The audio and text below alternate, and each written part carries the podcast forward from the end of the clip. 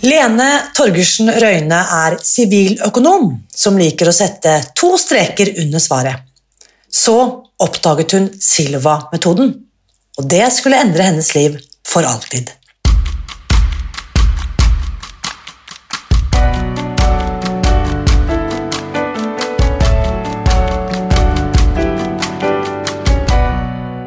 Mitt navn er Irina Lie. Jeg er journalist og forlegger, gründer og sosial entreprenør. I 2015 spiste jeg meg fri fra overvekt og fedme etter å ha slitt med vekt, kropp og følelser i nesten 30 år. Etter at jeg knakk koden, ga jeg meg selv et nytt oppdrag – å dele denne kunnskapen med alle som trenger det. I denne podkasten kan du derfor høre hele lydboken Spis deg fri, den finner du ved å bla deg tilbake i arkivet og lytte til første sesong. Hver uke inviterer jeg nå gjester som gir deg påfyll til hodet, hjertet og magen. For min visjon er å endre Helse-Norge, og det får jeg ikke til alene. Du bidrar ved å abonnere på podkasten, skrive en omtale i iTunes og tipse meg om hvem jeg burde invitere hit. Da setter vi i gang med ukens episode. Aller først så må jeg bare benytte anledningen til å ønske deg et skikkelig godt nytt år. Dette er årets første episode, og det betyr at vi nå har kommet til sesong ti av podkasten Spis deg fri, trodelei. Og siden vi er i begynnelsen av januar, i en ny uke, i et nytt år, så vet jeg at du kanskje har noen ønsker eller drømmer eller mål for dette året. Og hvis noen av de målene er knyttet til bedre helse, en lettere kropp eller et bedre liv, så vil jeg at du skal bli med på webinaret jeg arrangerer denne uken. Du melder deg på ved å gå til spisdegfri.no januar, og webinaret er helt gratis, men antall plasser er begrenset, så meld deg på nå mens det fortsatt er plasser igjen, og før det er for sent, så klart. Og Det første webinaret det skal jeg ha allerede i dag, søndag 7. januar klokken 18. Dvs. Si samme dag som denne podkast-episoden publiseres. Det andre webinaret skal jeg ha senere i uken, så hvis du ikke rakk å komme og lytte til denne episoden på søndag, så bare gå til spisdegfri.no januar, så finner du linken hvor du kan melde deg på. Og apropos ny start, nytt år, dette handler jo i, i stor grad om eh, selvutvikling. Det er jo noe vi snakker mye om på denne podkasten. Og I tema selvutvikling så refereres det ofte til hva skal jeg si, to ulike mennesketyper. Vi kan kalle det enten analytiske eller kreative mennesker. Og de som er eh, hva heter det da, mer eh, left brain oriented, kan kalles mer analytiske. Hos disse foregår det meste av tankeaktiviteten i venstre hjernehalvdel, som altså er sete for logikk, intellektuell kapasitet, analyse og akademiske meritter.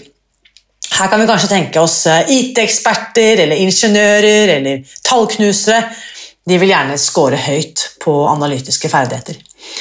Og så da, På motsatt eh, side så har du de såkalte right brain oriented eh, mennesketypene, hvor hjerneaktiviteten kanskje kan sies da å være mer dominant på høyre hjernehalvdel.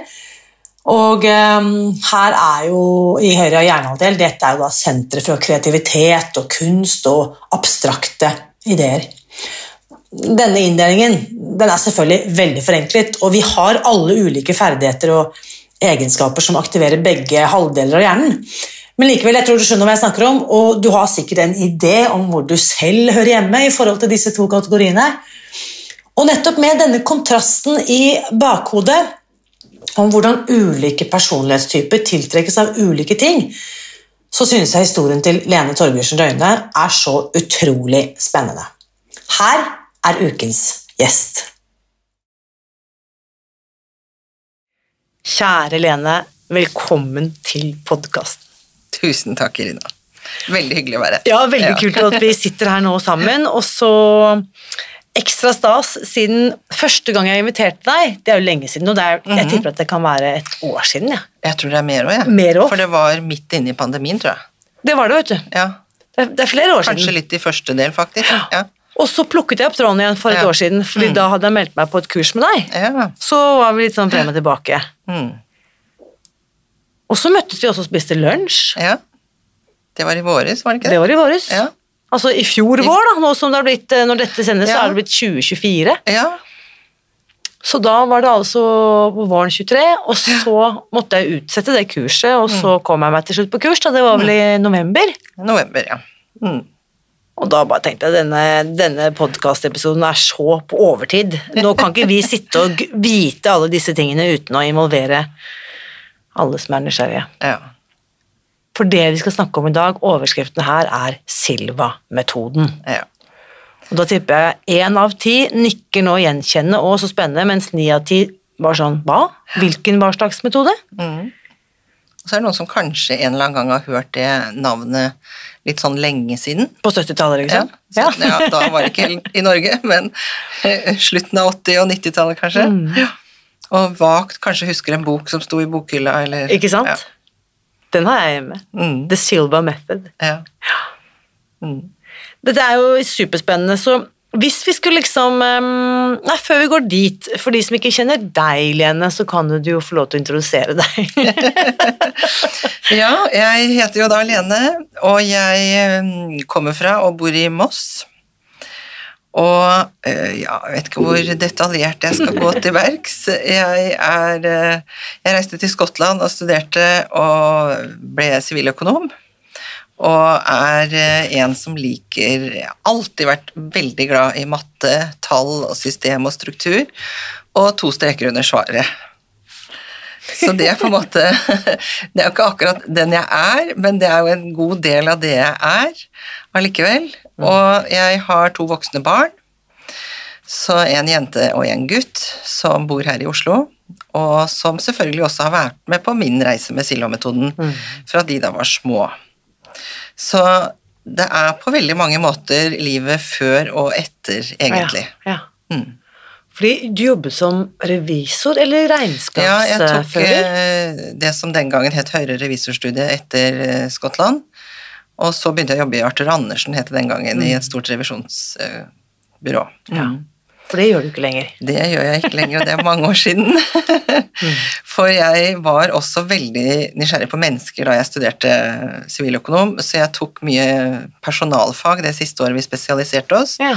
Og da var det mange som sa hva i all verden skal du med det, Lene, er det noe nyttig? Men jeg syns den delen var veldig, veldig spennende.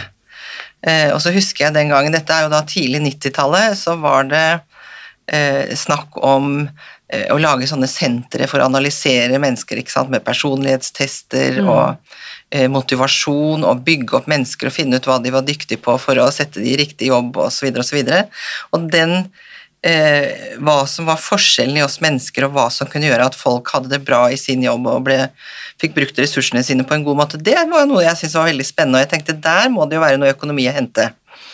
Så det var jo noen eh, linjer som gikk tilbake til Ja. den tiden der òg, selvfølgelig. Så det ble plantet noen frø Ja. Mm, allerede den gang. mm. Så hva er det som gjør at du får I mitt hode, da, og det er kanskje også andre med meg, vil tenke at det er et ganske stort sprang, høres det ut som, mellom, Ja. det, mellom den bakgrunnen og de to strekene under svaret som du henviser til, og det som vi nå skal få høre om, nemlig Silva-metoden. Mm Eh, Jeg er nysgjerrig. Hvordan finner du Silva-metoden? Hva er det som skjer? Jeg har en hunch om at noe må ha skjedd, noe eksternt i livet ditt. det er jo ofte det som skjer når vi skifter eh, retning ganske kraftig. Mm. Og det var jo at jeg ble veldig dårlig av stress, rett og slett. Ja.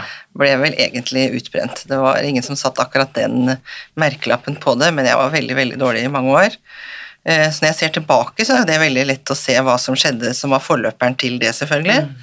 Og da var det en mann som sa til meg i Bergen at Lene, jeg syns du skal lære deg å meditere og rydde opp i det stresset ditt.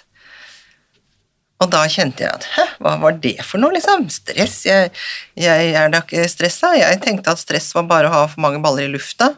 Så jeg følte jo ikke at jeg på noen måte var stressa, men så var det et eller annet med det han sa som festet seg, da, som gjorde at jeg tenkte dette får jeg kanskje undersøke litt, da.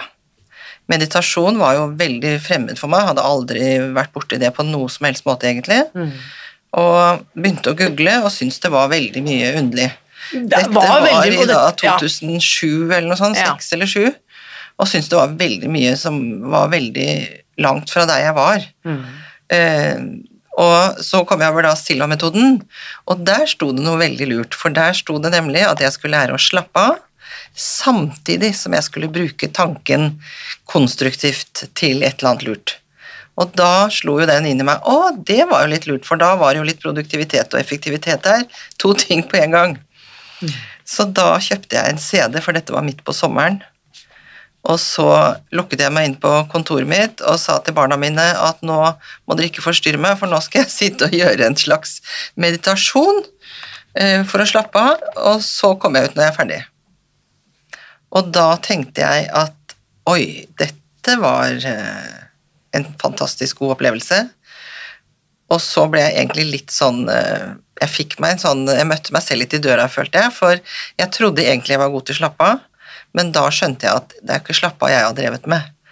Eh, For så avslappet og så, så god avslappet tilstand så lenge, det, ja, det kunne jeg ikke egentlig huske sist jeg hadde At du kanskje noensinne Ja, ja. hadde opplevd. ja.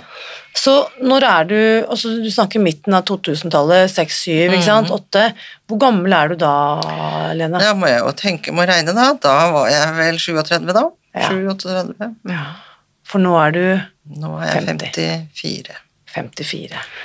Så i slutten av 30-årene, 7-38, Mm. eh, sette på denne CD-en. Mm. Husker du hvor, hvor lenge den, det sporet Den var vel 40 minutter eller noe sånt? Ja. Mm. 45-40 minutter. Mhm. Ja. Og du kjenner effekten på en måte umiddelbart? Hjemme alene. Jeg føl- det var jo da en guidet meditasjon, Ja. Eh, sånn at jeg fulgte jo instruksjonene bare, gjorde det jeg fikk beskjed om. ja, ja, du er flink Og pike. fikk slappet godt av, selv om jeg satt rett opp og ned på kontorstolen min og gjorde disse tingene, og kjente jo da hvor godt det egentlig gjorde i kroppen. da. Ja. Veldig. Og så i dag er jo du silvermetoden Norge, på Mm. en måte. Så hva skjer i løpet av de 15-16 årene som har gått? Når var det du skjønte at dette skulle bli liksom Ja, At det skulle Veien. overta livet ditt, liksom? Nærmest. ja, jeg skjønte jo da at jeg skulle gå på kurs. Ja, Ja, nettopp. så det var jo det første steget, at jeg måtte finne når er neste kurs. Så da meldte jeg på det første kurset som var da i Fredrikstad, som var det nærmeste i september, tror jeg det var starten av september. Ja, så det var ikke så Når du begynte på sommeren, så var Ja. det rett rundt hjørnet, egentlig. Ja. Mm. Og da når jeg går hjem fra det kurset, selv om det var en del der som kanskje var litt fremmed for meg, men som jeg kanskje allikevel kjente en resonans til, så visste jeg jo at dette skal jeg begynne å jobbe med. Ja, for du sa at du da skjønte at du skulle bli Ja. instruktør. Så da visste jeg jo egentlig det, og så spør jeg hun som holdt kurset, så sa jeg eh, hva, hva er mulighetene, hvordan, og hva, hva kan jeg gjøre eh, for å på en måte komme videre med dette? Og da fikk jeg beskjed om å ta kontakt med Øystein Aspenes, da, som drev Silva-metoden på den tiden. Og da var det ikke noen åpninger for noen nye instruktører, men han sa du kan begynne å gjøre sånn og sånn og sånn. Ja. Og da tenkte jeg ok, da kan jeg jo bare begynne å gjøre sånn og sånn og sånn. Og så er det jo sånn som mange opplever, at når ting er riktig, så faller ting på plass. For på den tiden så var jeg separert og to uh, mye mindre barn. Og egentlig måtte jeg til USA og ta en sertifisering der borte, og jeg tenkte jo hm, hvordan skal jeg få til det i den situasjonen jeg var i livet den gangen. Men så kommer da en av døtrene til José Silva til Norge i august da året etterpå, og skulle kjøre da også en instruktørsertifisering her. Selvfølgelig. og da eh, skulle hun som jeg hadde vært på da mange kurs hos det året, hun skulle slutte, for hun hadde for mye jobb, og dermed så åpnet det seg en mulighet. ja. Jeg liker det du sier, når noe er riktig, så faller ting på plass. Ja. Det er som når du først bare våger å gå inn den Ja. første døren, Mm. så åpenbarer det seg en del eh, stier videre. Mm. Så jeg visste jo ikke veien den gangen, hvordan Nei. skulle dette her bli til. Men som jeg tenkte, ok, jeg får ta en av disse tingene, jobbe meg gjennom den lista jeg hadde fått fra Øystein i forhold til en slags forberedelse og, og sånne ting, og teste ut og bruke i eget liv. Uh, og for hvert steg vi tar, så er det jo noe med uh, Vi har jo den derre kontrollbehovet i oss, at vi gjerne vil vite hele veien, vi vil vite hvordan blir det, eh, klarer jeg det, ikke sant, All, alle disse tingene vi har behov for å ha kontroll på. Men det er litt deilig når vi våger å bare kjenne, og kjenne at dette er riktig, og så tar vi et steg. og så legger ting seg på rette på en veldig god måte. Ja, det er så på en måte ting bretter seg ut i Mm. Ja. det liksom Ja. foten fortsatt er i luften, og så før du treffer bakken, så har Mm. Ja. neste skritt eh, man, materialiserte seg, på en måte. Ja. Så, Så det var eh, starten og veien inn. Ja. Mm.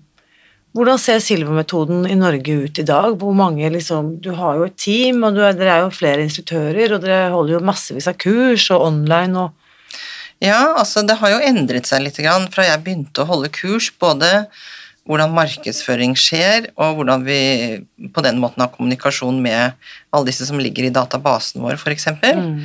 Eh, og så kom jo pandemien som satte fart i nett, Ja, nettkurs. Fordi før det så hadde Ja. dere egentlig bare hatt fysiske Hadde kurs. bare fysiske kurs, men Ja. jeg var i ferd med å skulle begynne å kombinere. Ja. Eh, Så jeg hadde, når pandemien kom, så hadde jeg vært gjennom litt investeringer og ganske mye kursing selv, så jeg var egentlig klar til å digitalisere det. Ja. Det er ikke sikkert det hadde skjedd så fort Nei, om ikke det hadde vært jeg fikk for jo et eh, ekstra spark, så Ja. da, da var det jo fra en dag til neste som jeg tenkte at ok, nå må jeg gjennom den der ubehaget med å tenke at jeg skal være synlig ut på f.eks. livesendinger på Facebook. Ja, for det syns ikke du var noe Nei, akkurat den syns jeg ikke var så veldig kul. Eh, Så vi har jo stadig noen sånne skrell skrellevekk, lag av eh, ubehageligheter som vi skal gjennom. Eh, Men, men jeg hadde jo egentlig ikke noe valg, på en måte, for jeg tenkte nå flytter hele verden inn på nett. Mm. Eh, Skal jeg sitte her og vente til pandemien er over med å formidle disse tingene, eller skal jeg blåse i hva jeg syns om å være live på Facebook og bare gjøre det? For da måtte vi jo også være live på Facebook ikke sant, for å dra i gang den kursvirksomheten online. Mm. Så i dag er det fysiske kurs. Så er det blanding. ja. Fysiske og kurs og online. Og det online det blir nok ikke borte, det. Både da i altså live online, eh, der vi sitter eh, i hver vår stue, i hver vår sofa Samtidig. samtidig, Mm, mm. og jobber oss gjennom materialet.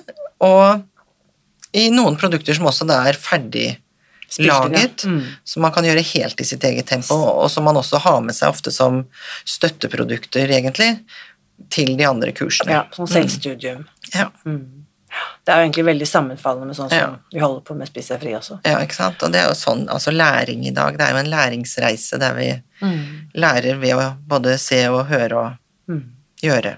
Men interessant, for jeg deltar nå også selv på et kurs, nettbasert kurs i USA. Mm. Og der er mange av disse live veiledningsmøtene så sent på kvelden at det er ikke sj- sjans for Ja. meg å få det med meg. Så de ser da i opptak, og det er egentlig morsomt som kursdeltaker å se hvor stort læringsutbytte jeg får av å se ting i opptak. Ja. Så det er eh, Ja, jeg har bare fått en sånn fersk opplevelse av at det funker som en kule. ja, og jeg liker det veldig godt selv òg, jeg. Ja. For da kan jeg styre det. Når på døgnet jeg har tid. Mm. Eh, og ofte så kan jeg eh, drive og rydde litt samtidig, for eksempel. Yes. For da går jeg inn i en litt sånn rolig avslappet modus. Og så pusler jeg litt med noe sånn smårydding, samtidig som jeg lar da Ja. det jeg skal lære eller få med meg Yes. Hvis ikke det er noe jeg sånn praktisk skal gjøre og skrive, eksempel, da. Så jeg liker veldig godt selv også den formen. Ja, ikke sant? Mm. Så eh, de som har fulgt denne podkasten nå, i hvert fall gjennom høst og vinter nå, 2023, ikke sant, 2024 er vi nå, så har jo hørt meg snakke veldig mye om Joe Dispenza, som nå Ja. ikke sant, publiserte rett før jul. Det var jo helt, helt, mm. helt ellevilt. Kjempegøy. Jo, virkelig, og han kjenner jo du også til, mm. naturlig nok. Det, disse, jeg føler at alle disse gutta, å si, de er jo i slekt. Mhm. Silva og Ja. uh, Joe og Akem og ikke Ja. sant. Eh, Hva heter han gærne filmregissøren? Um, han som lagde David Lynch, oh, ja. Ja. som også holder på med sånn transcendental Ja. meditasjon. Så Ja.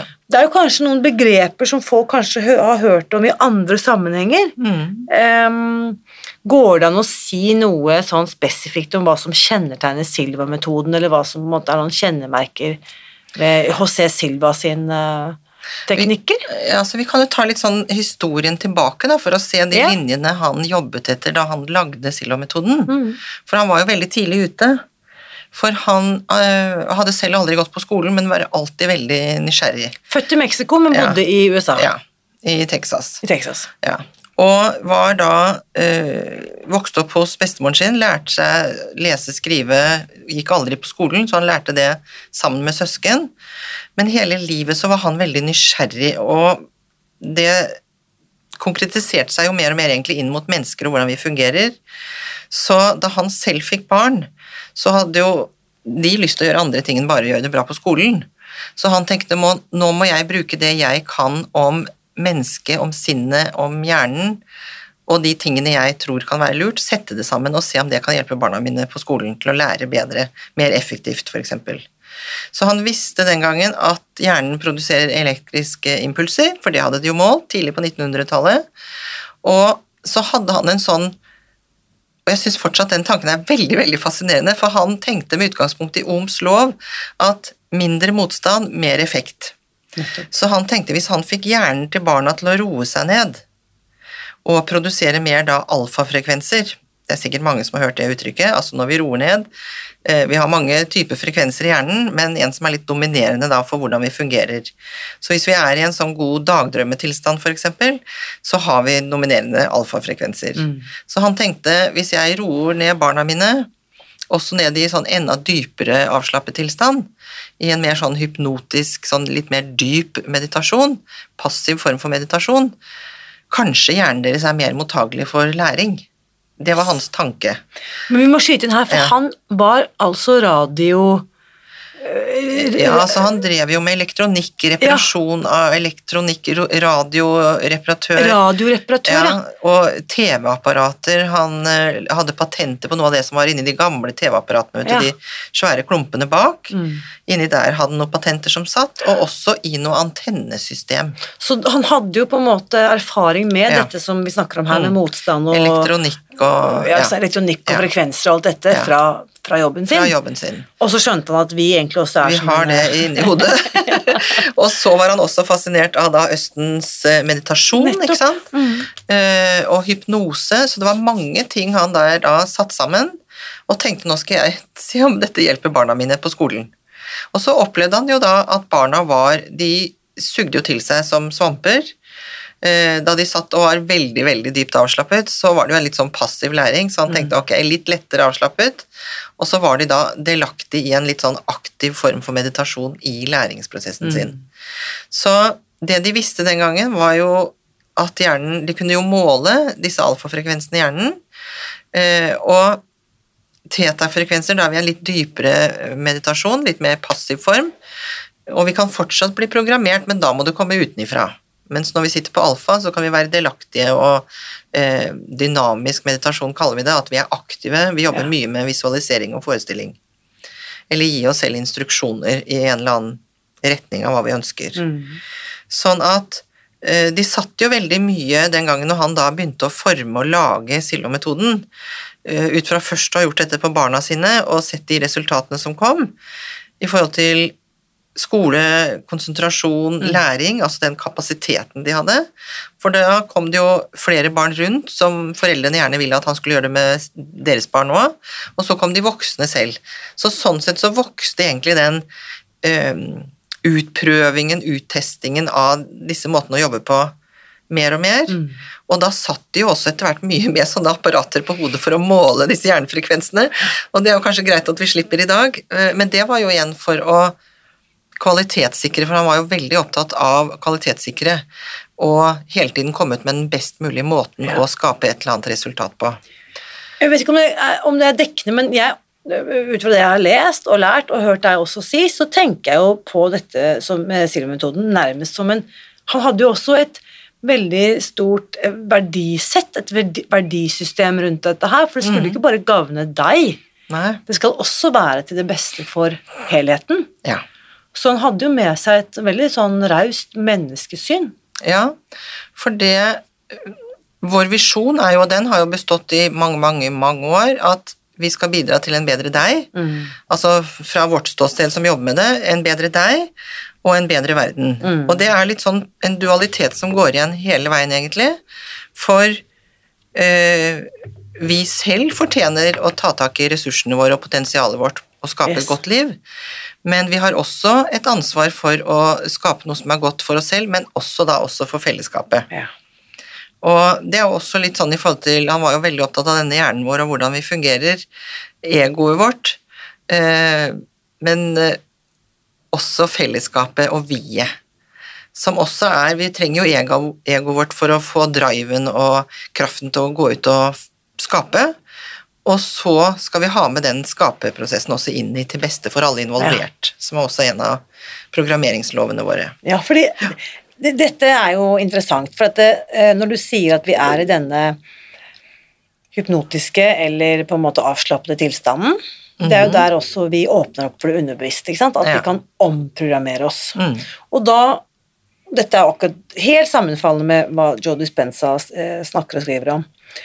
Og så er det akkurat dette ordet du nettopp brukte, som Silva-metoden har bakt inn, nemlig programmeringslovene. Mm. Det må du si litt mer om. Ja, og det er jo Vi kan godt tenke på det som et verdigrunnlag som Ja. støtter opp om visjonen vår, eh, i forhold til at vi bruker det til beste for oss selv og andre. Og programmeringslover det kan jo også referere til måten vi jobber med Altså bevisst, vi kan få til veldig mye i livet vårt ved å følge oppskrifter, teknikker, steg for steg og sånne ting. Eh, Men når vi også tar i bruk mer av det som vi kanskje tidligere har tenkt på som ubevisst, der vi vet det foregår noe, så jobber vi i en litt annen del av hjernen og i en litt annen form, som er veldig effektiv i forhold til disse omprogrammeringene av f.eks. gamle tankemønster Ja. som begrenser, eh, for å bryte gjennom fryktene våre osv., for å skape det vi har lyst til i livet. Og vi vet jo at hjernen er veldig, veldig formbar. Programmerbar. Plastisk. Mm. Det er jo ikke bare Silva-metoden som snakker om, og vet, det, det gjelder jo generelt i dag. Og hele livet. Hele livet. Ja. Ja.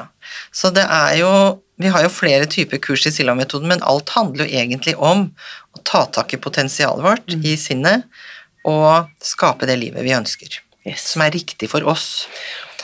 Ja. Og der, Vi snakket akkurat om det før vi begynte her nå. Joe Dispenza har jo også vist til forskning som sier at dette er mulig Ja. for alle. Mm. Hva tenker du om det?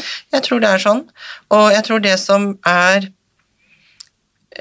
bøygen vi skal over, eller terskelen vi skal over, eller et eller annet eh, Veldig ofte når jeg har holdt kurs, så sier jeg den største og høyeste terskelen du skal over, det er egentlig å gidde å gjøre innsatsen som skal til. Ja. Og jeg bruker egentlig med vilje det ordet 'gidde'. For Det er litt provoserende, eller? Litt, ja, Noen- noen kjenner seg litt sånn, jeg, eh, jeg håper egentlig det, for det er noe også jeg pleier å si på kurs. Jeg håper egentlig at jeg kan klare å røske litt i noen trossystemer, at du vil kjenne på noe ubehag når vi prater gjennom disse temaene og gjør disse teknikkene. For når vi stanger i tankemønstrene våre, eller sannhetene våre, paradigmene våre, eller trossystemene våre, som vi kaller det, så er jo det ubehagelig når vi stanger borti noen ubegrensninger Nei, ikke ubegrensninger, når vi stanger borti noen begrensninger. Og vi må jo gjennom de, skal vi skape utvikling. Ja. Skal vi strekke oss som mennesker, skal vi blomstre og ta tak i mer av det vi er, så vil jo det være ubehagelig hvis ikke vi allerede har brukt det. Så er det noe nytt. Jeg har fått noen spørsmål til, Um, og jeg vet ikke om det nødvendigvis kommer liksom av et sted av beundring, men det er sånn hvordan får du det til, Irina? Og nesten også sånn hvorfor gidder du? Jeg føler at det av og til de to spørsmålene kan nesten øh, byttes ut. Og det jeg har, jeg har tenkt mye på det selv, og det jeg har skjønt da, for min egen del, er at jeg er blitt komfortabel med å være ukomfortabel. Ja. At jeg rett og slett nå så mange ganger på så mange ulike områder har bestemt meg for at dette kan jeg ikke, men jeg prøver likevel. Mm. Og det har nesten blitt et litt sånn kick. Ja. Mm. Og da blir det en slags vane, ikke Det, sant? det blir en slags vane. Fordi du vet at du da kan Ja. utfordre det og gjøre Ja. det igjen. Mens i veldig mange år så tenkte jeg idet jeg var i ferd med å gjøre noe ukomfortabelt, så bare, da var jo vanen min, eller responsen min, den Mm. Automatiserte responsen, var å trekke meg tilbake. Det skal jeg i hvert fall ikke inn i, det var, Mm. hørtes jo helt forferdelig ut. Ja. Men eh, er det noe av dette, da, ikke sant, sånn som du beskriver? Vi må tørre å gå mot ubehaget og inn i det. ja, altså per definisjon så er vi jo litt sånn redde for forandringer, for Ja. det som er nytt. Ja. For det har vi jo ikke styring på, vi vet jo ikke hvordan det er. Og kontroll sitter jo sterkt i oss eh, fleste, noen har det mer enn andre. Sånn at det å ikke vite, det gjør jo at ting blir ubehagelig bare det i seg selv. Mm. Um, og da kan det være lett å si nei, jeg har litt, får litt sånn magefølelse på at dette skal jeg ikke gjøre. Ja. og så er det egentlig frykten vår som snakker. Yes. Og du snakket mye om det på kurset, ja, at vi må passe på at ikke Ja. forveksler magefølelsen med frykt. Det. Magefølelsen og frykten den kan være ganske så kraftig, og den tror jeg alle egentlig kjenner på. Og det er den som kanskje først provoseres når vi begynner å snakke om disse begrensningene våre, eh, og utfordre der, da, i å skape noe nytt, eller gjøre noe nytt, eller tørre å være oss selv i større grad, f.eks., uten å tenke på hva andre syns og mener om det. Eh, Det i seg selv kan jo være et stort, stort steg å ta for de aller, aller fleste, ja. og som vi kanskje må jobbe med hele livet, egentlig. Men det som gjør det da litt lettere, hvis vi skal kalle det da, å bryte gjennom ubehaget, er jo når vi har gode verktøy. Når vi vet at det er mange, mange, mange mennesker som har gjort det før oss, og brukt denne måten å jobbe på, så hvis jeg gjør det samme som de har gjort, så er vel sjansen for at jeg også skal få det til større. Yes. Det er som når vi kjøper en oppskriftsbok og skal lage en middagsrett Ja. som ser veldig fancy og flott ut, men starter vi på starten og følger instruksjonene, så er jo sjansen mye, mye større for at den skal også bli sånn når vi er ferdig. Og kanskje hvis du gjør det for andre eller tredje gang, Ja, så blir det bedre og bedre. eh, Så blir det bedre bedre. Ja.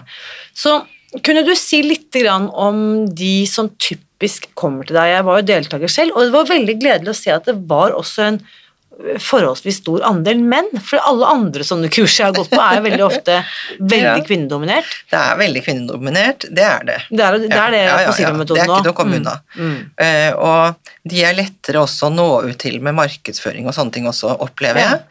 Og jeg tror ikke det er ett svar bare på hvorfor det er sånn, men jeg opplever, så jeg får jo bare si ut fra mine erfaringer, er at damer er kanskje litt mindre redde for å tenke litt annerledes. Ja. ja. Eh, De har kanskje kjent litt mer på instinktene sine, intuisjonen sin, eh, i forhold til Det kan være i forhold til morsrollen, fra de har vært barn, at de kanskje har tatt med seg den intuisjonen og den litt sånn vite at de vet, og turt å stole på det litt Ja. mer enn kanskje menn.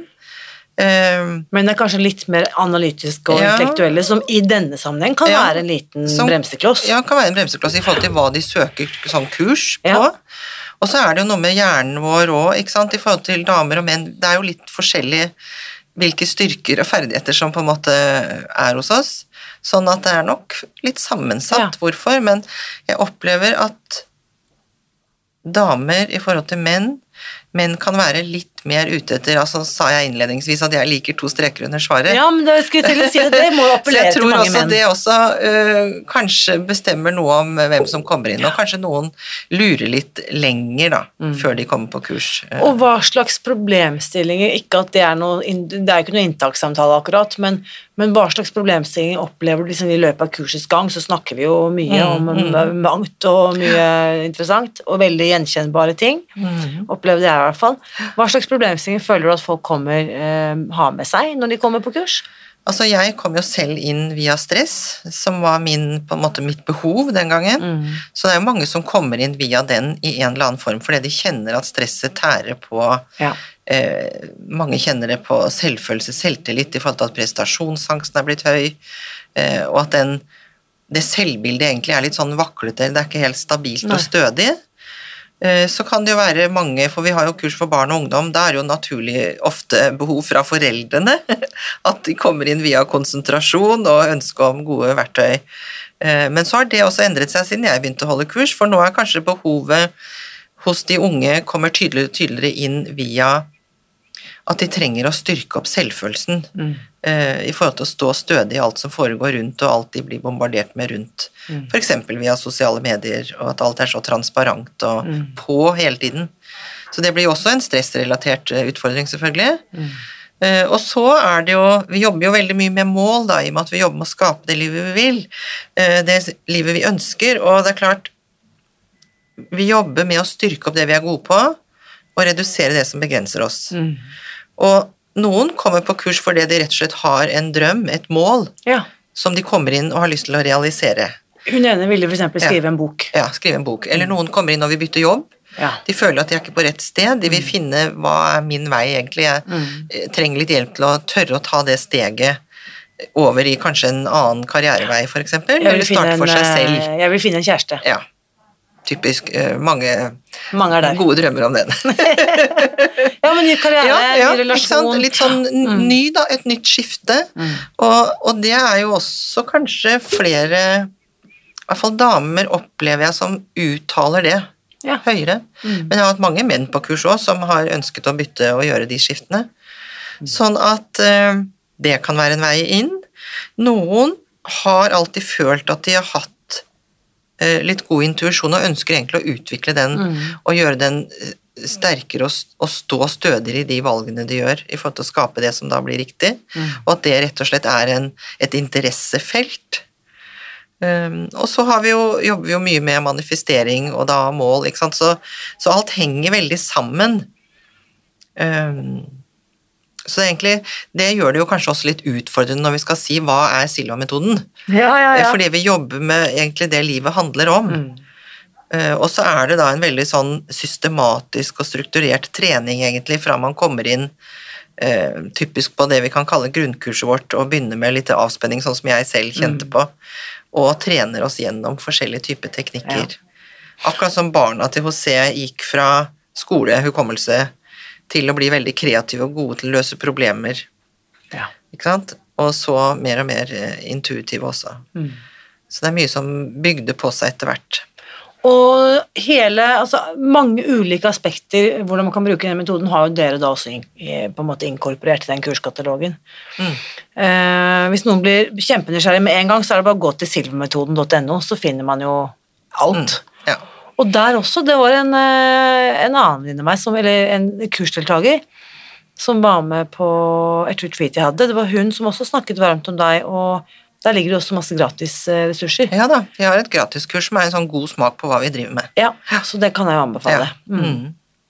Den um, Kan få ja. mye ut av bare gjøre den. Mm. Og det som jeg også syntes var litt kult, da, var at uh, jeg tror nok at jeg oppdaget liksom Silver-metoden via noen amerikanske greier før jeg oppdaget deg.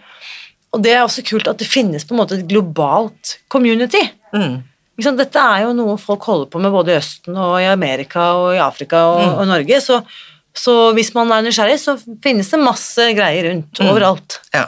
Nå er jeg ikke helt oppdatert på hvor mange land vi er i akkurat nå, Nei. Eh, men vi har jo for eksempel i Europa så er vi vel i de aller fleste land. Um, og i Amerika rundt, selvfølgelig. Så det er jo Vi har et hovedkontor i USA, i, der hvor José kom fra, i Texas, Ja, morsomt. som en av døtrene hans sitter som Ja. leder for. Mm. Så, og så snakker vi jo om boken han selv skrev, José Silva, José Silva eh, som heter The Silva Method. Finnes den på norsk? Den er på norsk, og er ganske vanskelig å få tak i. Ja. Så Den finnes på norsk? den finnes på norsk, ja. Mm. Så da trenger ikke jeg å oversette den og gi ut Nei. den som neste bok. Men vi gi- trenger en ny må- utgivelse, sånn Ja, okay. at kanskje vi kan uh, tenke at vi skal få tak i det manuskriptet. Vi har jo boken, så det burde jo ikke være Ja, så vanskelig, egentlig. da, da må vi snakke sammen mer om Da det. er jeg sikker på at det er veldig mange som står klare og gjerne vil kjøpe en uh, Ja, Så på hvis norsk. du som hører dette er keen på en ny utgave av Silvermetoden, så legg igjen en kommentar på, på Facebook-gruppen Ja, vår. det er kjempefint. sånn, det er sånn gode ideer oppstår, du vet det. Mm. Så plutselig er vi i gang. Ja. Dette, ja, sånn er det. Um, jeg tenker uh, jeg, jeg, jeg tuller litt med det, men jeg, min uh, på en måte fantasilytter, hun jeg ser for meg som hører på denne podkasten, om ikke hver uke, så i hvert fall ganske ofte, det er Kari på Toten. ja, ok. Ehm, som kanskje også innimellom er litt sånn skeptisk og tenker at det der høres veldig bra ut, men det, der, det hadde jeg aldri fått til, og meditasjon og sånn, og det er så okkult og obskurt og veldig rart. Mm. Hvorfor skal Irina snakke så mye om meditasjonsgreiene? Hvordan kan vi avmystifisere det? Hvordan kan vi gjøre det sånn Ja, kom i gang-aktig? Ja, for meditasjon, hva er nå det? Det kan jo være mye forskjellig.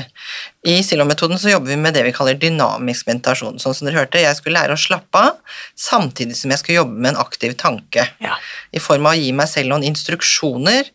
Eh, Det kunne jo være rett og slett eh, å si noen positive setninger til oss selv da, når vi sitter i den avslappede tilstanden. Så kan vi rett og slett tenke og kjenne på hvordan det er, for det er annerledes enn når vi er våkne og i aktivitet. Så hjernen vår er mottagelig for sånn hyggelig gode ord til oss selv når vi sitter og slapper av. Og alle, vil jeg tro, har dagdrømt litt grann på et eller annet tidspunkt, noen mer enn andre. Så du vil kjenne igjen den tilstanden. For det er ikke noe helt annet enn det vi gjør ellers. Det er når vi er i en rolig, god, avslappet tilstand, der vi vanligvis pleier å sovne, eller skru av det bevisste. Så det vi trener oss på, er jo å sitte og være sånn avslappet, samtidig som vi klarer å holde tanken årvåken. Så det er liksom ikke noe helt nytt, helt annerledes. Nei. Så alle vil kjenne det igjen. Og så hvis vi har det sterke behov for kontroll, da, så er det noe med at ok, lytt til meditasjonen, da, eller den lange avspenningen f.eks., eksempel, eller noe i gratiskurset, og sitt med øynene åpne. Ja. Hvis du føler at det gir deg kontroll. Og så kan du bare titte, sitte og titte på et eller annet på veggen, og så kjenne at du defokuserer blikket litt, Ja. og så kjenner du at du eh, slipper sånn at du får slappet av mer. For det er jo noen ganger hvis noen har veldig behov for kontroll, så kan de kjenne at det er ubehagelig, og på en måte gi fra seg den kontrollen til at noen leser en oppskrift for at du skal slappe av. Men da er jo det også en tilbakemelding på at dette er noe som er veldig lurt å øve på. Øve på. Men da kan man ta det litt sånn gradvis, da. Mm. Lytte til en eh, meditasjon mens du er ute og går tur med bikkja i skogen, for eksempel. Og der også må jeg bare si at um, selv om jeg er stor fan av kunnskapsformidling og podkast og bøker og jeg vet ikke hva, så går det ikke an å lese seg til eller lytte seg til hva dette går ut på. Det handler faktisk Det er en praksis. Ja. Det er en meditasjonspraksis. Mm. Så um, Nei, Kari på Toten, eh, prøv, tenker jeg. ja. Kjenn på hvordan det gjør at du kan eh, bli god til å slappe av, gjør at du sovner raskere om kvelden, eksempel. Mm. Er god til å ta en liten høneblund etter jobb, og ja. Og det som jeg også gjør faktisk hver eneste morgen, og ja, etter faktisk at jeg var på kurs 19. november, så gjør jeg det nå også hver kveld. Det er bare rett og slett Da hører jeg på en sånn eh, greie, da, på, på hodetelefoner. Så jeg på en måte eh, Morgenmeditasjon har vært eh, praksis lenge. Men nå så på en måte avslutter jeg også dagen min på en, med, med, med bevissthet og intensjon, Mm. slik at jeg på en måte legger inn noen koder for hva jeg tar med meg inn i Ja. eh, drømme, drømmen. ja. Det er veldig heftig, altså. ja. Dette kan vi med enkle Ja, grep, og det er ikke snakk om grep. mange minutter, altså. Nei, nei. Og det jeg, det likte jeg også innledningsvis den gangen, og liker det fortsatt veldig godt, at med fem minutter hver dag kan vi faktisk få til veldig mye når vi lager en liten plan. Ja. Og så innimellom kanskje vi da må bruke litt lengre tid og gjøre noen øvelser som er litt lenger, men med helt små, enkle grep og bevisstgjøring, og kunne hente opp denne måten å fungere på i en mer rolig og avslappet tilstand, så kan vi faktisk få til veldig store endringer når vi gjør litt hver dag. Kunne du da, hvis du sammenligner med denne kokeboken som jeg snakket om nå, ikke sant? Mm. gitt oss noen sånne øyeblikksbilder, sånne etterbilder av noen av dine kursdeltakere som har kommet inn der med et ønske om å ø, kanskje få litt mer overskudd, eller vurdere å starte eget selskap, eller slutte jobben sin, eller ny karriere, eller finne, ny, finne kjærligheten i livet på nytt, eller ikke sant? Mm. Kunne du på en måte fortalt om noen av de resultatene som ø, Selvfølgelig uten å Ja, avsløre noen personopplysninger, men ø, Ja, det er jo veldig mange koselige, morsomme historier, og jeg må jo innrømme at de historiene som kanskje treffer meg aller sterkest i hjerterota, det er eksempel en ungdom som har jobbet seg ut av en mobbesituasjon, f.eks., Wow. som har klart å finne til styrken i seg selv eh, i forhold til å stå stødig, uten å være så veldig redd for hva andre syns og mener. Eh, noen som kanskje har syntes det har vært vanskelig å få venner, Ja. fordi de har vært veldig passive og forsiktige for å oppsøke liksom, å være aktive i det å skape seg venner i ungdomstiden, som bruker da visualisering og forestilling og øver når de sitter i meditasjon Mm. på å ta kontakt med andre eh, ungdommer. Og det kan jo være voksne òg, det. Mm. God på smalltalk i sosiale settinger der ikke vi kjenner noen, f.eks. For, eksempel. for når vi øver på det i meditasjon og visualiserer og forestiller oss at vi får det til, så er det akkurat som vi øver på ordentlig, for hjernen skjønner ikke helt forskjellen på at vi sitter hjemme på sofaen og øver på det, eller om vi er ute i en eller annen setting og gjør det i praksis. Det var et strålende godt eksempel. Så da kan det f.eks. være at jeg ser for meg at jeg møter, kommer inn i det rommet, jeg kanskje har begynt å kjenne på, eller øve på mentalt i hvert fall, hvordan, jeg kan, hvordan kroppsspråket mitt er, i stedet for kanskje å stå med hendene i kors, så kanskje jeg Mm. står litt mer avslappet, Ja. hvordan jeg møter blikket til den personen, Mm. når jeg hilser på Smile litt, ikke sant. Vi kan smiler øve oss på å kjenne på hvordan det er å smile. Møte blikk og smile til mennesker. Selv om ikke vi alltid skal innlede en samtale med alle av de. Mm. Sånn at å øve på det Mm. vil gjøre at når du går inn i situasjonen, så vil du kjenne at du har Ja. på en måte øvd, faktisk. Du har jo hatt en god Ja, du har med deg en trygghet inn. Ja. Mm. Og så jobber vi også med noen triggere som selvfølgelig vi da kan hente opp og, og styrke den tilstanden vi da kan gå inn i situasjonene med. Ja. Eh, Så det er jo et eksempel. Eh, Det er jo morsomt når jeg får e-poster med folk som deler og forteller 'Å, nå fikk jeg den jobben som jeg bare tenkte at var helt umulig for meg å få', og nå, 'jeg hadde bare forberedt meg sånn og sånn og sånn', og så, og så bare falt alt på plass, sånn apropos det vi sa innledningsvis, at ting legger seg til rette. Eh, De går inn i et intervjusituasjon med en helt annen utstråling, en helt annen trygghet i seg selv. Mm. Eh, De kommuniserer da annerledes, tydeligere i forhold til hva de har å bidra med, i forhold til hva de trenger betalt, f.eks.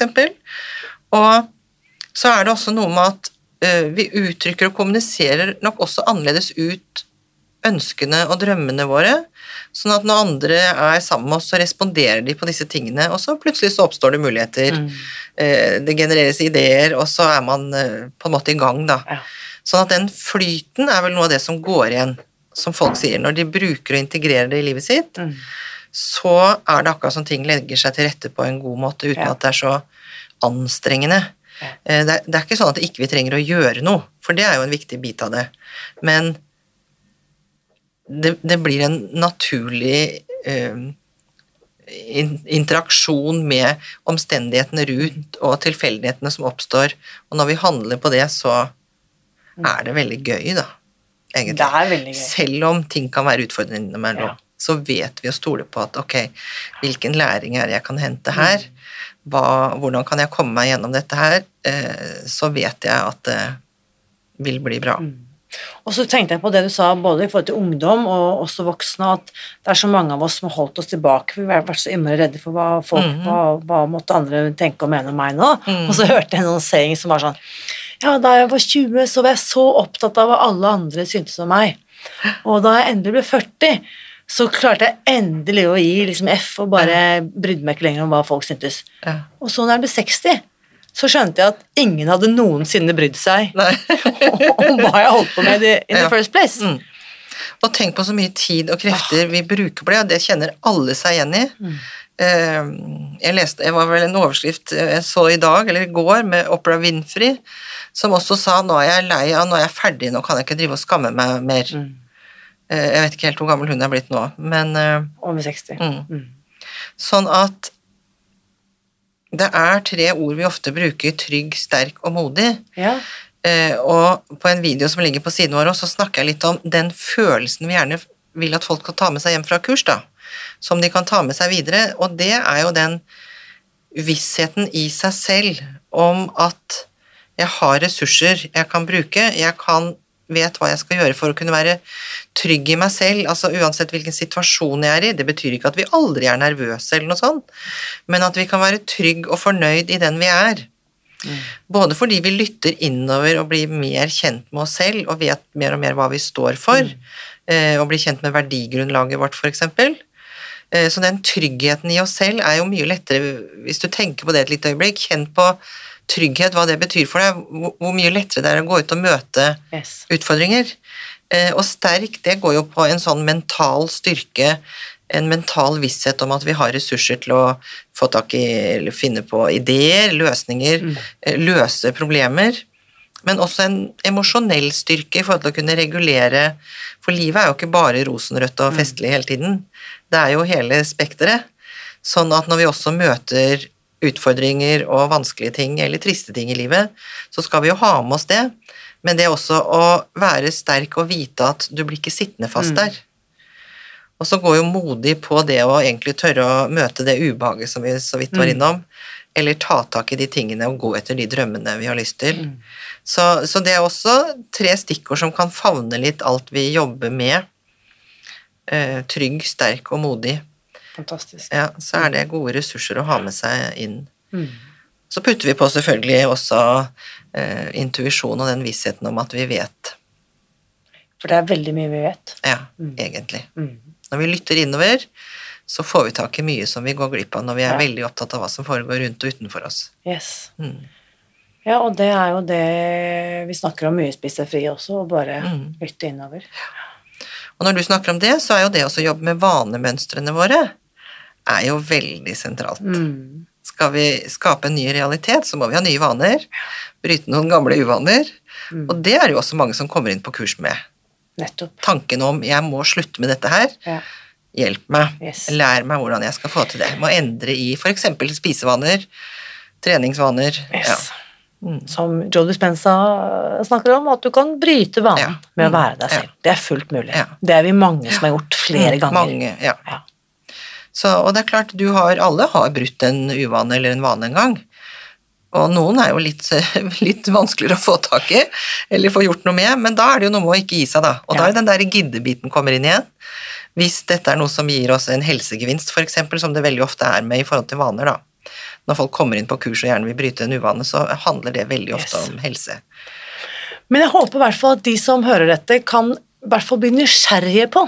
Og så Mm. kanskje bare begynne der med at hvis jeg, skulle, hvis jeg så skulle ha vært at jeg skulle ha endret noe, hva skulle det ha vært? Mm. Og så la oss si da et eller annet med helse, da. Ja, siden vi snakker om spis deg fri, bare kanskje endre liksom den der småspisingen. Mm. Og da handler det veldig mye om at jeg først må bli klar over at jeg Ja. holder på sånn. Ja. For den eh, ærligheten med oss selv, Ja. den er jo kjempeviktig. Bevisstgjøringen. Bevisstgjøringen, det er det det heter på norsk. Awareness, som Ja. vi kan snakker om i USA. ikke sant? Ja. Og at det, det kan være et kjempefint første skritt. Mm. Og bare det er jo ubehagelig i seg selv. Å, se seg selv i speilet og være ærlig med seg selv og si at ok, her er det noe som tydeligvis trengs å gjøres noe med. Ja. Så ehm, jeg kan bare på det varmeste anbefale de som er nysgjerrige nå, gå inn på silvermetoden.no, og så lurer jeg på, Lene, dine eh, Hvis jeg kan spørre deg om det. Eh, drømmer, ønsker, ambisjoner for 2024, nå som dette året ligger der ja. ubrukt foran oss. Helt ferskt, vet du. Det er så fantastisk. Ja. Det er akkurat som mandag. Jeg elsker mandager, og en ny uke. Og nytt år er jo enda mer eh, spennende. Og det er sånn som jeg alltid på slutten av året før sitter egentlig og koser meg mye med i desember. Eh, både det å sitte og så drømme meg litt bort, eh, men så har vi jo denne visjonen vår, da, en bedre deg, en bedre verden, så vi har jo et ansvar for å nå ut. Og det også igjen møte andre mennesker som også har lyst til å nå ut. Og dette henger jo sammen med så mye annet. Det er ikke sånn at uh, Silva-metoden ikke kan brukes i kombinasjon med noe annet. Så jeg tenker jo også den der å se på alle disse tingene som overlapper med Ja.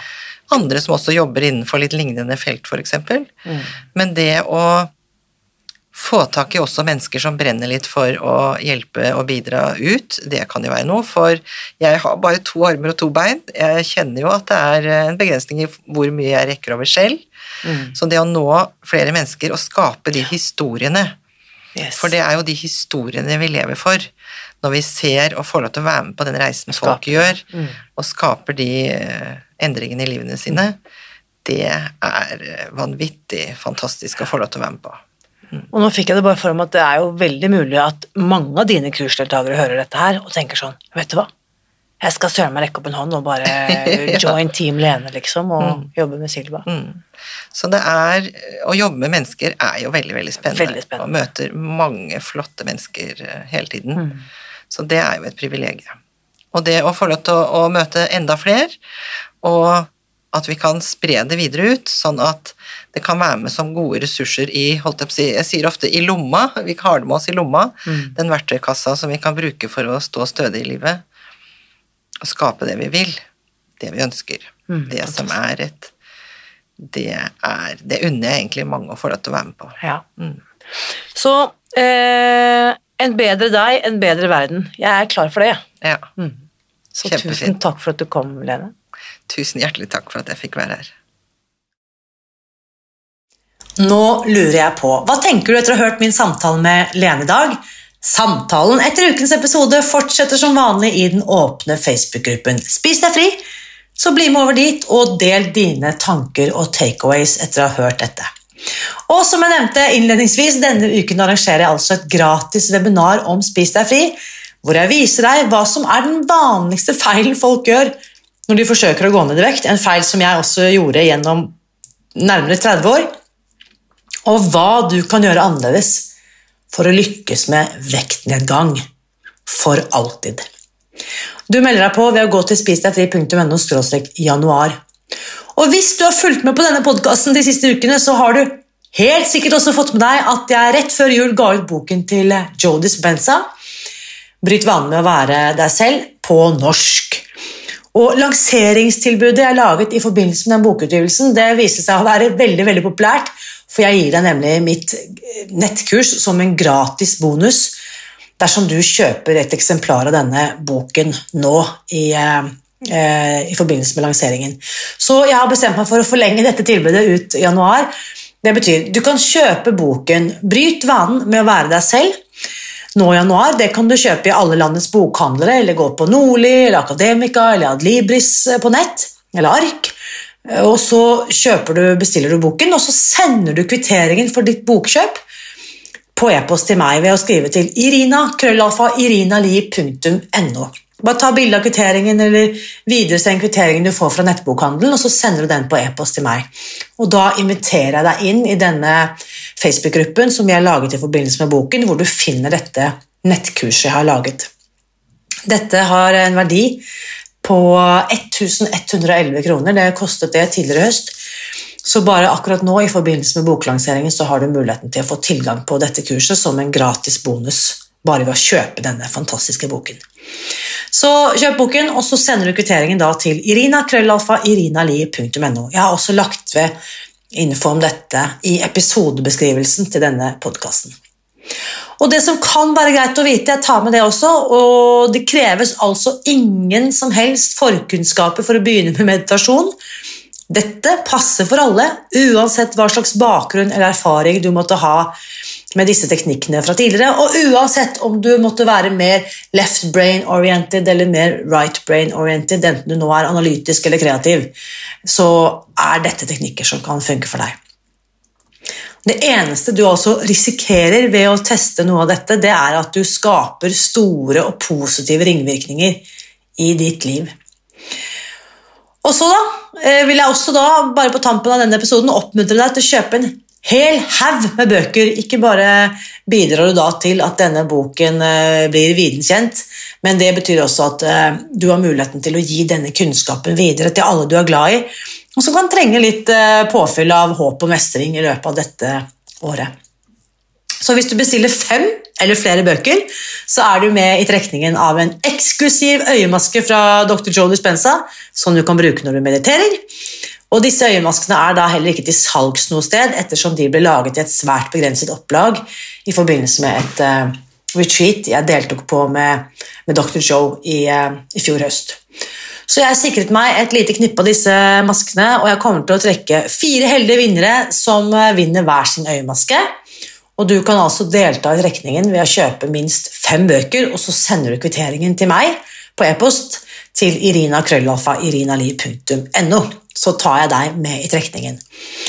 Og da aller, aller sist, den mest eksklusive gevinsten vi har i forbindelse med dette boktilbudet, er at hvis du da rett og slett kliner til og bestiller ti eller flere bøker, så er du ikke bare med i trekningen av øyemasker, da får du også muligheten til å vinne en gratis billett til eh, Joe Dispensas såkalte Progressive Retreat i Basel i mai. Og jeg fikk akkurat beskjed om at dette eventet er helt utsolgt, og det finnes ingen flere billetter igjen.